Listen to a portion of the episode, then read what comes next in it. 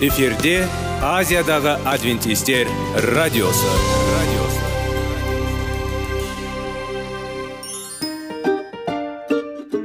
сәлем достар. Денсаулық өмір бұлағы және біздің бірінші байлығымыз демекші денсаулық сағаты рубрикасына қош келдіңіздер. Біздің рубрикада біз әртүрлі факторларменен мәліметтерменен кеңестерменен бөлісіп шын жүректен сіздердің дендеріңіз сау болғанын қалаймыз. Сол үшін біздің рубрикаға қош келдіңіздер. Дайындалып тұрыңыздар. Өйткені келесі минуттарда қызықты фактілерге ие боласыздар. Енді достар ең бірінші байлығымызды қолымызға алып алға кеттік.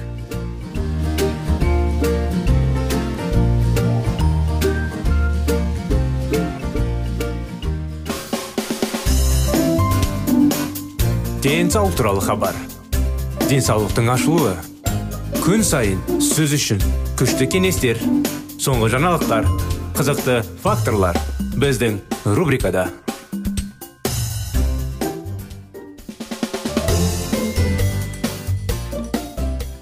сәлем достар ассалаумағалейкум біздің құрметті радио тыңдаушыларымыз біздің денсаулық сағат бағдарламамызға қош келдіңіздер.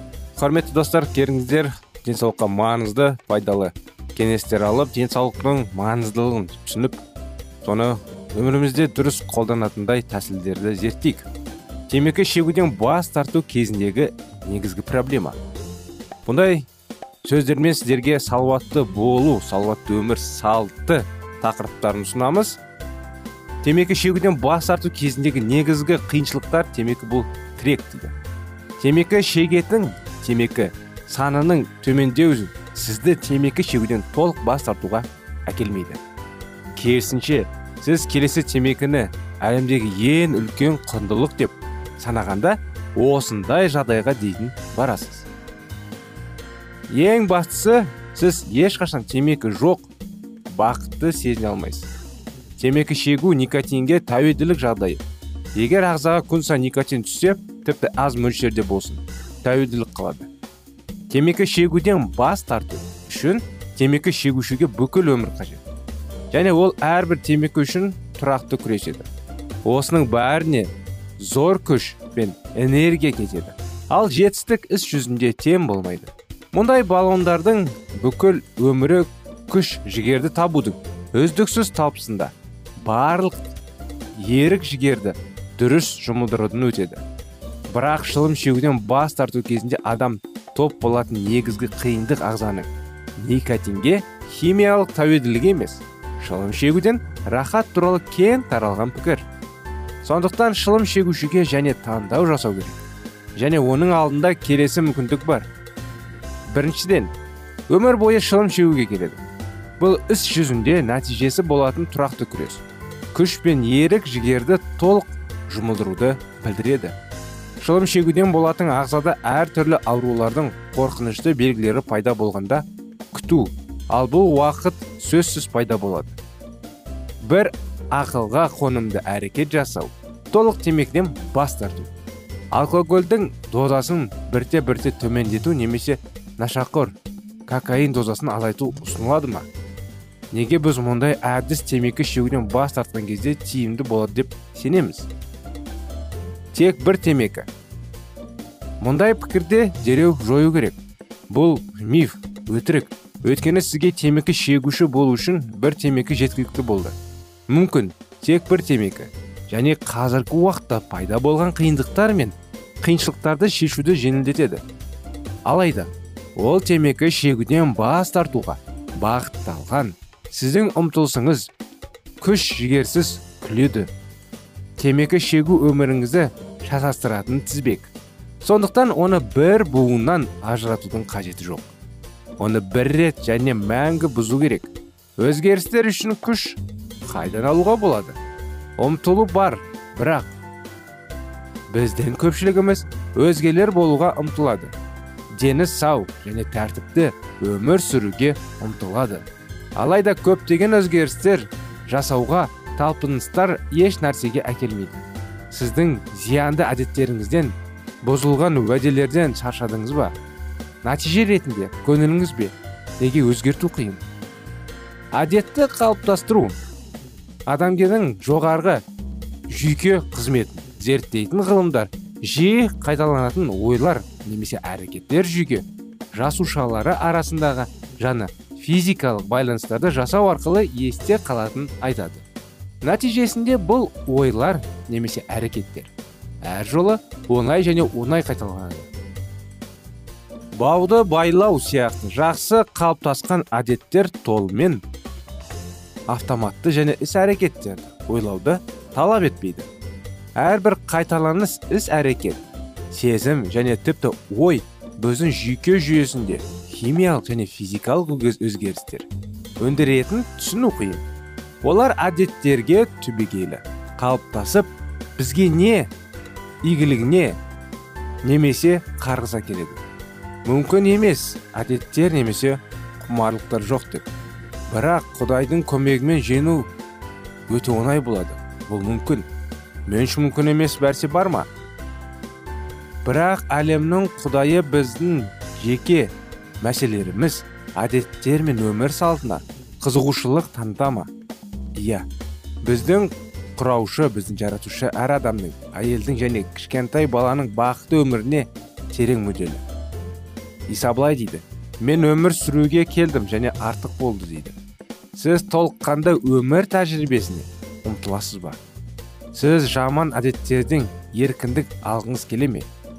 Мүмкін сізде өзгеруге күш жоқ шығар. Кез келген жағдайда құдай екі мұқтаждыққа ие бола алады. Ол өзгеріс үшін қажетті күш береді. Құдай қалай әрекет етеді? Кейбір адамдар жаман әдеттер қалдырғысы келіп құдайға дұға ету жеткілікті деп ойлайды. Және азаптау жай ғана жоғалады. Дегенмен ол тек біздің алып тастау орны оларды жеңуге күш береді. Келі кітап былай айтады. Құдай сендерге күш жігерден аса құғынуға ұшыратпайтын бірақ ағзаларыңа азғырған кезде жеңілдік береді. Біздің бөлігіміз мақсатқа жету үшін құдаймен өзара әрекет ету. Және мұны келесі де жасауға болады. Өзгерту шешімін қабыл алыңыз. Жаман әдетпен құрт бұзыңыз. Баяу және біртіндеп босату әлде қайда қиын. Жоқ тіпті оқта текте өздеріне қамқорлық жасамай өз кезінде алынған күшті дұрыс пайдаланбаңыз. Дұрыс пайдаланыңыз керісінше. Сіз жеңілдікке ұшырайсыз. Жазу бізге және өмір үшін. Қарапайым жоспар береді. Сондықтан әрдайым күш қуатпен абайлап кішкене ұмтылысу керек. Құдайдан сүйіну керек. Құдай әрине көмек береді бірақ бізде әрекет жасауымыз керек. Сондықтан құрметті достар осындай кеңестер ал жалғасын келесі жолы жалғастырамыз. Бағдарламамыз аяғына да келді. Сіздерге келесі жолға дейін сау сәлеметті болыңыздар дейміз.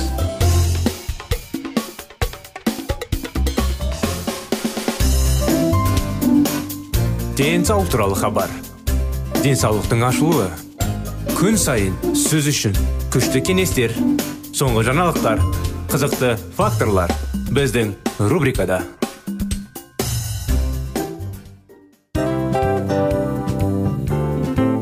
Әуелі байлық денсаулық екінші байлық он саулық үшінші байлық ақ жаулық. Ал енді осындай радио парақшадан кейін не дейміз? Барлықтарыңызға денсаулықтарыңыз зор болсын деп тілейміз. Денсаулықтың өзгеруі кішкентай нәрселерден басталады. Осымен біз берген кеңестер мен мәліметтер шын жүректен сіздер үшін қандай да бір болсын жәрдем берді деп үміттенеміз. Тыңдаушыларымызбен келесі радио парақшасына дейін қоштассамыз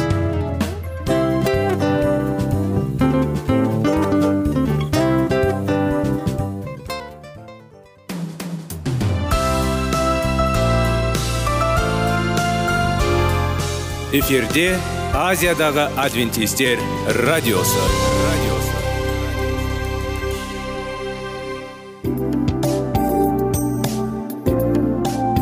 сәлем достар. Барлықтарыңызға шын жүректен сөйлесейік рубрикасына қош келдіңіздер деп айтпақшымыз.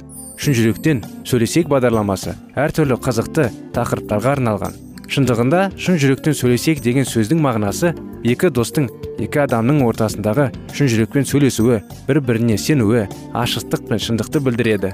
Сол үшін біздің бағдарламалар әртүрлі қызықты тақырыптарға арналған.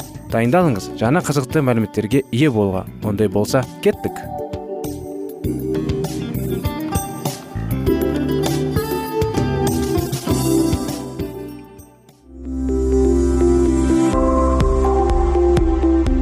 Алтын сөздер. Сырласу қарым қатынас жайлы кеңестер мен қызықты тақырыптар. Шын жүректен сөйлесейік рубрикасында.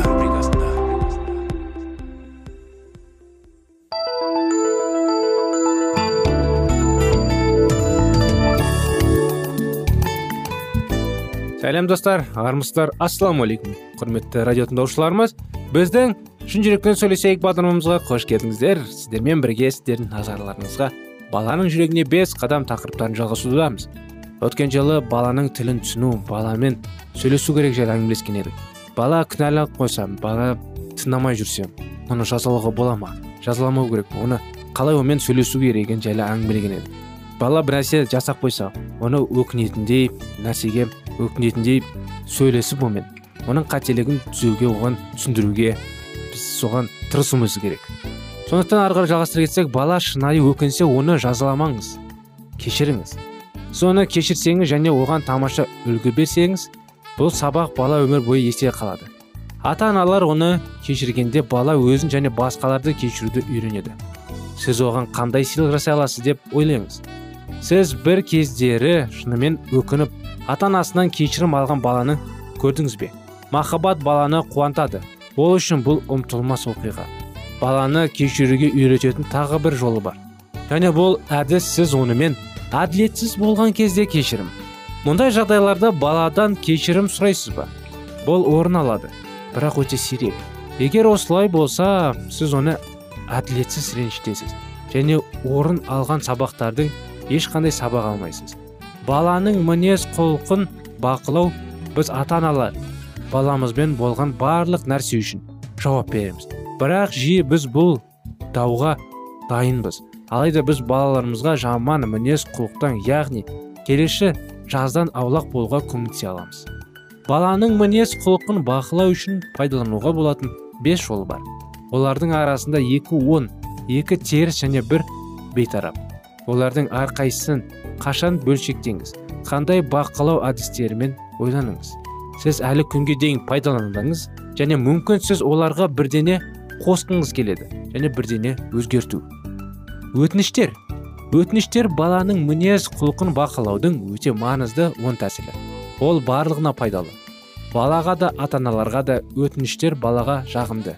Олар ата анасы оған бірдене жасауды бұйырған кезде әдетте пайда болатын зұлымдықты және наразылықты тудырмайды.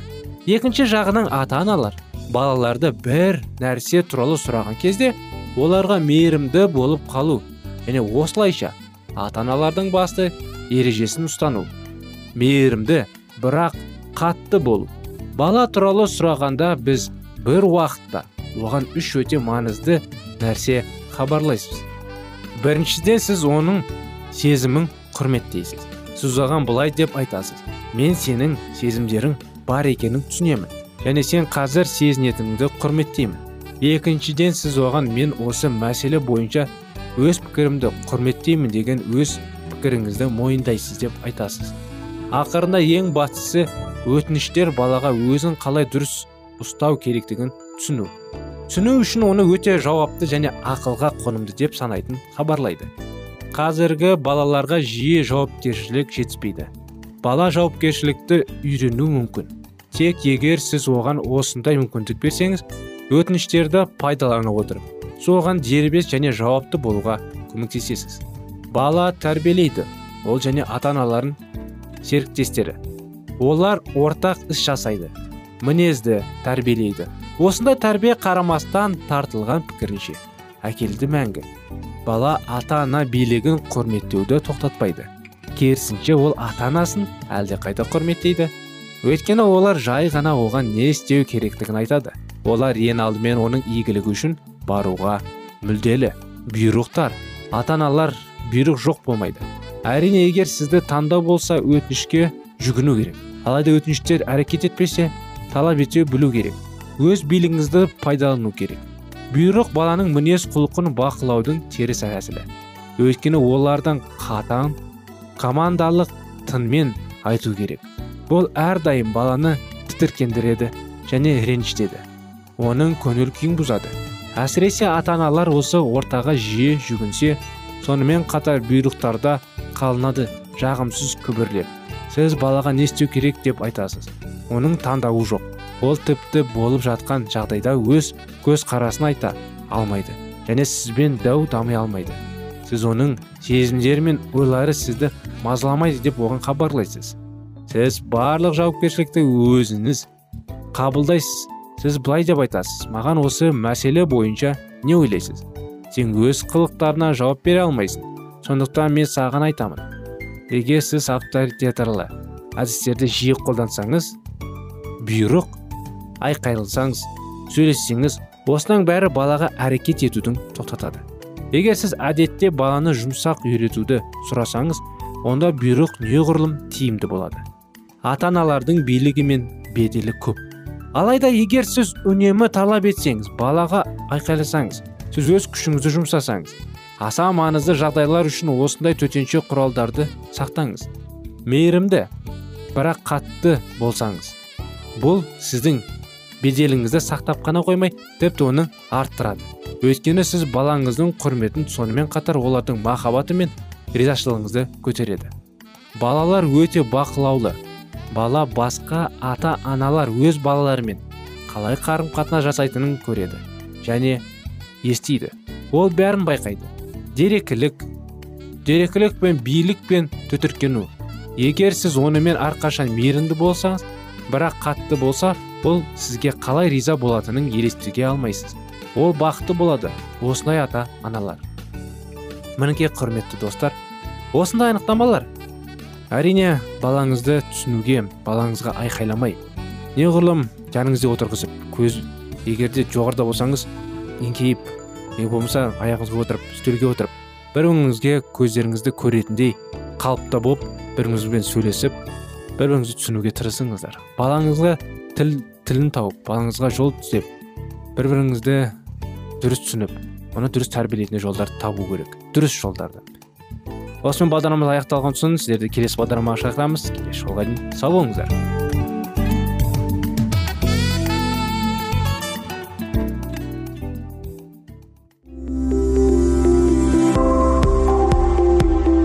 Алтын сөздер.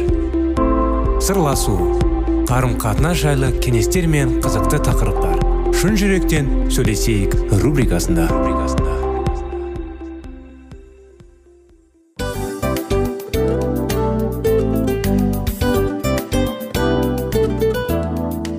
Құрметті достар барлық ең соңғы кеңестер аяқталған соң біздің программамыз соңына келіп қалды.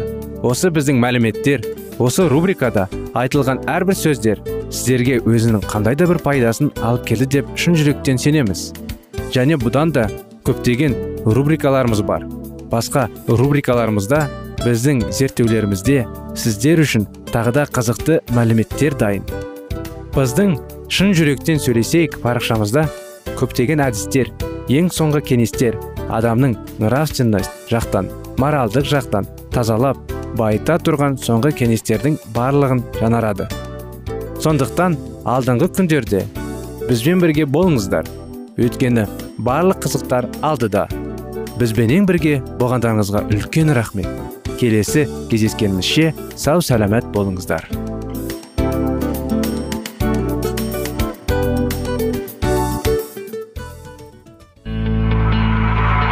Жан дүниеңді байытқан жүрегіңді жаңғыртқан өмірдің мағынасын ойландырған рухани жаңғыру. Рубрикасы.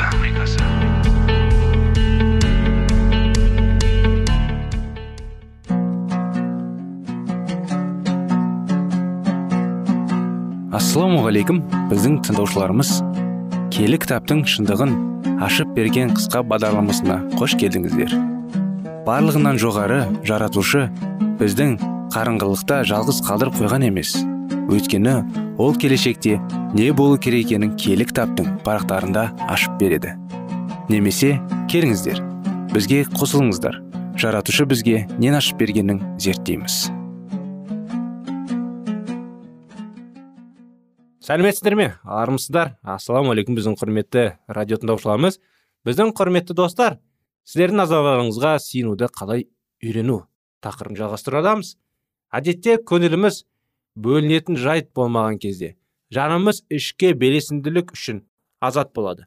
Немесе мұны ішкі бояулық теберни деп атауға болады. Сыртқы жағдайлар жанымызды басқаға бұратын күшінен айырылған сәтте құдай бізді тебертетіп жанымызды мұнажатқа дайындайды.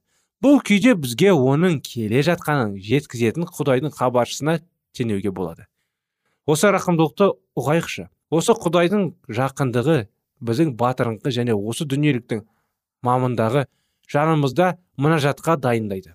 Сиынушылардың көпшілігі мұны назарға алмайды. Олар бөлмелеріне кіре сала бірден құдаймен сөйлесе бастайды. Жоқ достым сөйлемес бұрын біраз уақыт аялды тыныштық пен оңашылық сағат өзінің игілікті әрекетімен әсер етсін. Жанының барша сыртқы әсер атудың азаттық алуына уақыт бер. Сенің батырыңқы көңіліне құдайдың әсер етуіне мұрша бер. Осы қасиетті табиғаттың жүрегіне барша есіктерін мәңгілік өмірге айқара ашуына мүмкіндік бер. Біз мұнажататын белесінді жағына көбірек мән беріп үйренгенбіз. Біз мұнажаттың басынан бастап аяғына дейін көпіртіп құдайға бәрін айтуға барша тырысамыз. Егер дұғамыз құдаймен қисынды әңгіме болып шықпайтын болса онда бұл бізге кемшілік немесе қателік болып көрінеді. Әрине мұнажат бұл белесінде күш және ол құдаймен сөйлесуді де білдіреді. Бірақ тек бұл ғана емес. Осы қасиетті тыныштық сағаттарында біз жандардың емшісінің тексеруіне дайын болуымыз қажет. Ішкі ақылымыздың қай тұста екенін көруші үшін. Біз оның киелі құдіретті сәулесінің астына тұруымыз қажет. Табиғи сәуленің де жақсанда сәуленің де сұлулықтыршы қасиетке ие екенін бәріміз білеміз. Қазіргі кезде сәуленің бұл қасиетті түрлі ауруларды емдеуге пайдаланылады. Емханаларда ауыратын мүшеге сәуле түсіріп емдейтін тәсіл бар. Дәл осы секілді біздің жанымыздың дерттері де сәуленің әрекетсіз жазыла алмайды. Көктің сәулесі жанымызға еніп ондағы ауру мүшеге жарығын түсіру тиіс. Тәубеге келген кезімізде осы сәулемен емдеу арқылы өткеніміз және сәуленің жанымыздың барша түкпіріне еніп ескі және жаңа күнәларымыздың барлығын көрсетіп бергің жеткіліксіз. Ол кезде жанымыздың дерті жазылған жоқ. Тек тоқтатылды. Бұл сәулемен емделу әлі жерде өмір сүріп жатқан кезімізде күнделікті жүзеге ауысу тиіс. Құдаймен өткізетін тыныш уақыттарымызда күнделікті сәулемен емделуден өтуге тиіспіз. Өкінішке орай бұл көп жағдайда олай емес. Құдайға біз барлығын айтамыз және тоқтамай сөйлей береміз. Сөйлесіп болғаннан кейін аумин дейміз де жүре береміз. Дәрігердің алдына келгеніңде көз алдыңды елестетші сен кабинетіне кіресің. Ол саған орындық ұсынады. Сен орындыққа отырасың да өзінің дерттің туралы айта бастайсың. Содан соң бәрін айтып болған соң орнынан тұрып кетіп қаласың. Сонда дәрігер не ойлайды? Әрине ол сені есі ауысқан біреу екен дейді. Осындай науқастар құдайға күн үйге топ тобымен келеді. Сондықтан да мұнажат сағаттарымыздың біз үшін маңызды төмен. Қалай келсек сол күйізімде кетеміз. Құдай қайырымды дәрігерден не кеңес не дәрі алмай етіп бара жатқан біздерге қам көңіл болып қарап қалады. Құдайға барған кезімде біз жан жақты тексеруден өтіп қажетті ем алуға барған сырқын секілді болуымыз қажет. Қай жерін ауыртының білесің. Соны көрсет.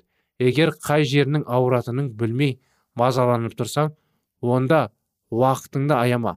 Ол сені өзінің сәулесімен тексеруден өткізеді. Оған забор жырларын жазушыға ұқсап уа құдай жүрегімнің түкпірлерін тексере көр мені мазалаған ойларыңды біле көр қауіпті жолымда сынай көрсеңші. Мәңгілік өмір жолымен мені жүргізсеңші деп айт. Егер осылай істейтін болсаң онда мұнажат кезіңде көз өзгеріс жүзеге асады. Сонда саған құдаймен қарым қатынасында немесе оған қызмет етуіне өміріңде немесе жүрегіңде не кедергі келтіретінін айқай болдың. Сонда сен көз жасыңды төгіп оған жүрегіңді айқара ашып қызметіне жана тыныштық пен сенімділікпен ғана емес сондай ақ жанарған күшпен кіресің. Себебі жаратқан ие өзіне шын жүректен бағышталып адал болып жүрегіңде күш қуат беріп қолдау үшін бүкіл жер жүзін жазырында ұстап отырады. Бірақ бұл күрессіз жүрмейді.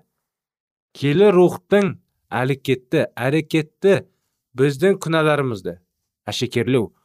Ал біздің мінәжат сағаттарымыз оның бізден есеп талап етуіне қолайлы мүмкіндік туғызады. Қасиетті құдайдың алдындағы тыныш оңашада біздің жанымыз таңдауға барынша қабілетті болады. Бұл жерде ол бізге өзіміз бәрінен артық көретін күнәларымыз жайлы айтады. Күнәмен ашық достық болуға ешбір құдай баласының баталы бармайды. Сондықтан бізді мазалап жүрген мәселе мүлде күнә емес деп өз өзімізді сендіруге тырысамыз. Біз өзімізді кешіреміз және ақтаймыз. Мысалы әңгіме келі рухтың сенімен сөйлеуді қалайтын ақша жайлы болып тұр делік. Сенің қаржылық мәселең біртіндеп ретсіздікке ұшырады. Ал киелі рух саған бұл туралы табандылмен ұзақ уақыт бойы айтады. Құдай сөзін оқып отырған кезде сен қандай да бір аятының сөзін тыңдағанда дәл осылай болады. Уағыздаушылар олардың бәрі тек байлық туралы ғана айтуға ақылдасып алға секілді. Бірақ бәрінен де мінәжат кезінде мінәжат болады. Келі рух одан өзге ештеңе айтпайтындай тәрізді. Құдай сенімен тек ақша жайлы сөйлескісі келеді ма егер ол туралы сөйлескің келмесе онда сиынбай ақ қой қойнында болады дейді. Сенің жан дүниеңде осыған ұқсас күрес болады ма? Мінекей осындай сұрақпен бүгін бағдарламамызды аяғына әкеп тоқтатамыз құрметті достар. Сіздерді келесі жолы күтеміз келесі жолға дейін сау болыңыздар.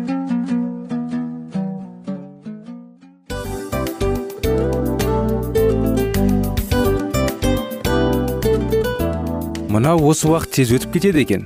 Біздің бүгінгі рубрикалардың аяғына да келіп жеттік. Ақпаратымызды парақшамызды қазір ғана бастаған сияқты едік. Соңында да келіп қалдық. Уақыт деген тегі білінбей өтіп кетеді екен. Бүгінгі 24 сағаттың алтындай жарты сағатын бізге бөліп арнаған үшін рахмет. Егерде өткен сфераларда пайдалы кеңес алған болсаңыз біз өзіміздің мақсатқа жеткеніміз. Кеңестерді қолданам десеңіз өзгерістерді кішкентай қадамдардан бастап іске асыра беріңіздер де жасағандарыңыз үлкен үлкен жетістіктерге жете берсін. Шын жүректен әрбір берілген кеңестер сөздер сіздерге пайдасын әкеледі деп сенеміз. Сіздермен бірге кездесулерімізді сөзсіз түрде асыға күтеміз. Сәтті күн тілеп сіздер менің ұзаққа қоштаспай келесі кездескенімізше тек қана сау саламатты болыңыздар дейміз. Достар біздің бағдарлама бойынша сұрақтарыңыз болса әрине сіздерге керекті анықтама керек болса біздің whatsapp нөмірімізге хабарлассаңыздар болады. Плюс бір үш жүз бір жеті жүз алпыс алпыс жетпіс. Иә достар сіздер қателеспедіңіздер бұл біздің номерлерге ұқсас болмаса да бұл whatsapp номер арнайы. Хабарласыңыздар сұрақтарыңызды қойып тұрыңыздар. Анықтаманы алып тұрыңыздар. Плюс бір үш жүз бір жеті жүз алпыс алпыс жетпіс whatsapp номері